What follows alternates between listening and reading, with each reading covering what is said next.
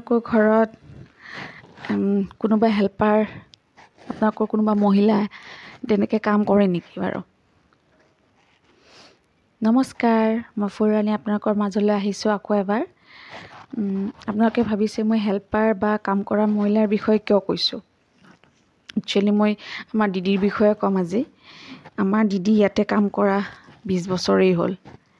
আৰু আমাৰ মোৰ কণমানিজনী তিনি বছৰ বয়স। তিনি বছৰ বয়সত মোৰ কণমানিজনীৰ লগত বহুত ক্ল'জ হৈ গ'ল। তাই এতিয়া দিদিকে আইতা বুলি ভাবে। সকলোৱে ব্যস্ত নিজৰ লগত তাইৰ লগত খেলা মানুহ মানুহগৰাকীয়ে হৈছে দিদি। ৰাতিপুৱা গধূলি। এতিয়া ৰাতিপুৱা মই যেতিয়া ব্ৰেকফাষ্ট বনাওঁ দিদি আমি গোটেই একেলগে খাওঁ এখন টেবুলতে।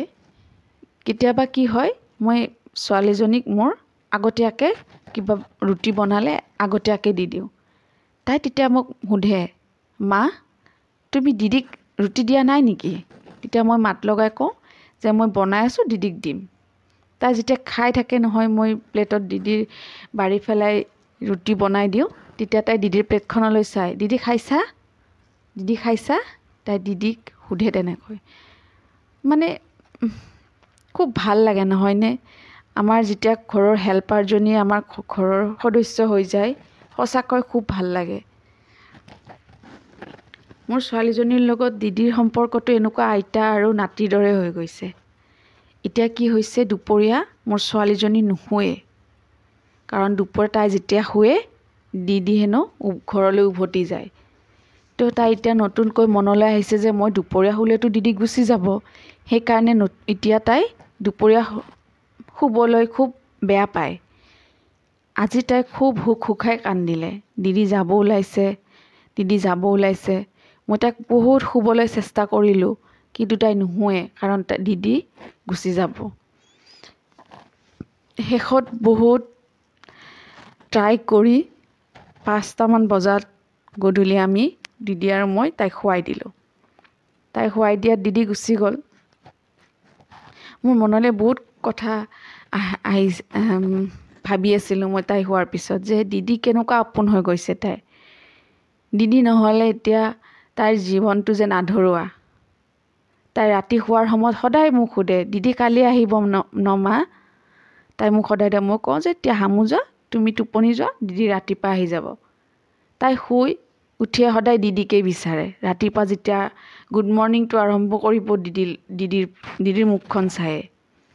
এতিয়া দিদি এতিয়া মই কথা কিছুমান ক'ব বিচাৰিছোঁ। আপোনালোকৰ ঘৰত যদি কোনোবা হেল্পাৰ আছে বা কাম কৰা মহিলা আছে তেওঁক তেওঁৰ লগত যদি আপোনালোকে ফেমিলি সদস্য হিচাপে নহয় ব্যৱহাৰ কৰে তেওঁক মৰম কৰে সঁচাকৈ তেওঁলোক আমাৰ খুব আপোন হৈ পৰে। সেইবাবে কৈছোঁ যে তেওঁলোকক হীনপৰ নকৰিব। আমাৰ দিদিৰ কথাই কৈছোঁ। বিশ্বাস কৰিব মৰম দিব তেওঁলোকে নিশ্চয় মৰম দিব।